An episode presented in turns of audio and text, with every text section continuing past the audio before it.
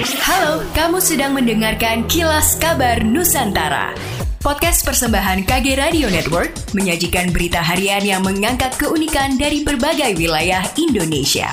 Kilas Kabar Nusantara dapat juga didukung oleh pengiklan loh. Buat kamu, para fresh graduates yang pengen tahu serba-serbi dunia kerja profesional, serta hak dan kewajiban karyawan dan perusahaan, yuk dengerin Podcast Obsesif, persembahan Medio by KG Media, hanya di Spotify.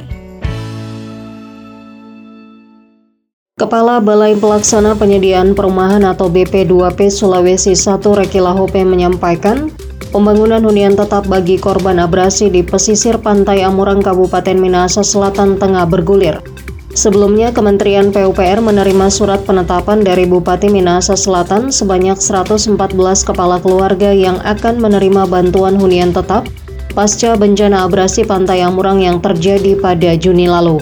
Adapun pembangunan 114 rumah tersebut akan dilakukan bertahap dan tahun 2023 telah ditetapkan sebanyak 81 unit akan dibangun. Saat ini pengadaan unit rumah hunian tetap sedang dalam proses mobilisasi dan persiapan, termasuk pengadaan unit rumah instan sederhana sehat atau RISA.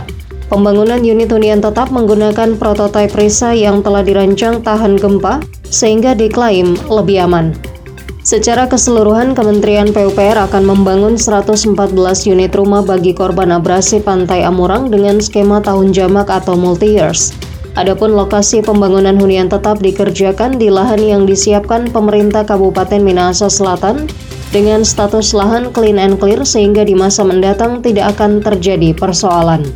Badan Keuangan Daerah atau BKD Kota Pontianak bersama Satpol PP Kota Pontianak yang tergabung dalam Tim Penerbitan Pajak Daerah atau TPPD Kota Pontianak menerbitkan sebanyak 16 reklame berbagai merek. Reklame dari berbagai jenis seperti neon box, papan reklame, dan lainnya disegel dengan spanduk maupun stiker bertuliskan reklame ini belum membayar pajak. Tim penerbitan menyisir sejumlah titik lokasi di Jalan Katulistiwa, Panglima AM, Patimura, MT Haryono, dan Profesor M. Yamin. Kepala Bidang Penyuluhan Pengawasan dan Pemeriksaan Pajak dan Retribusi Daerah BKD Kota Pontianak Irwan Prayitno menjelaskan, penerbitan reklame yang mangkir dari pajak ini merupakan kegiatan rutin yang dilakukan TPPD sebagai upaya optimalisasi pendapatan asli daerah atau PAD terutama di sektor pajak reklame. Penerbitan ini, lanjut Irwan, bertujuan untuk tertib pajak daerah sekaligus untuk mengoptimalkan PAD. Menurutnya, tidak sedikit wajib pajak atau WP yang masih membandel dengan memasang reklame tanpa mendaftarkan dan membayar pajak reklamenya pada BKD Kota Pontianak. Oleh sebab itu, pihaknya secara rutin melakukan patroli untuk menyisir reklame-reklame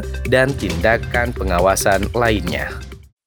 Demikianlah kilas kabar Nusantara pagi ini.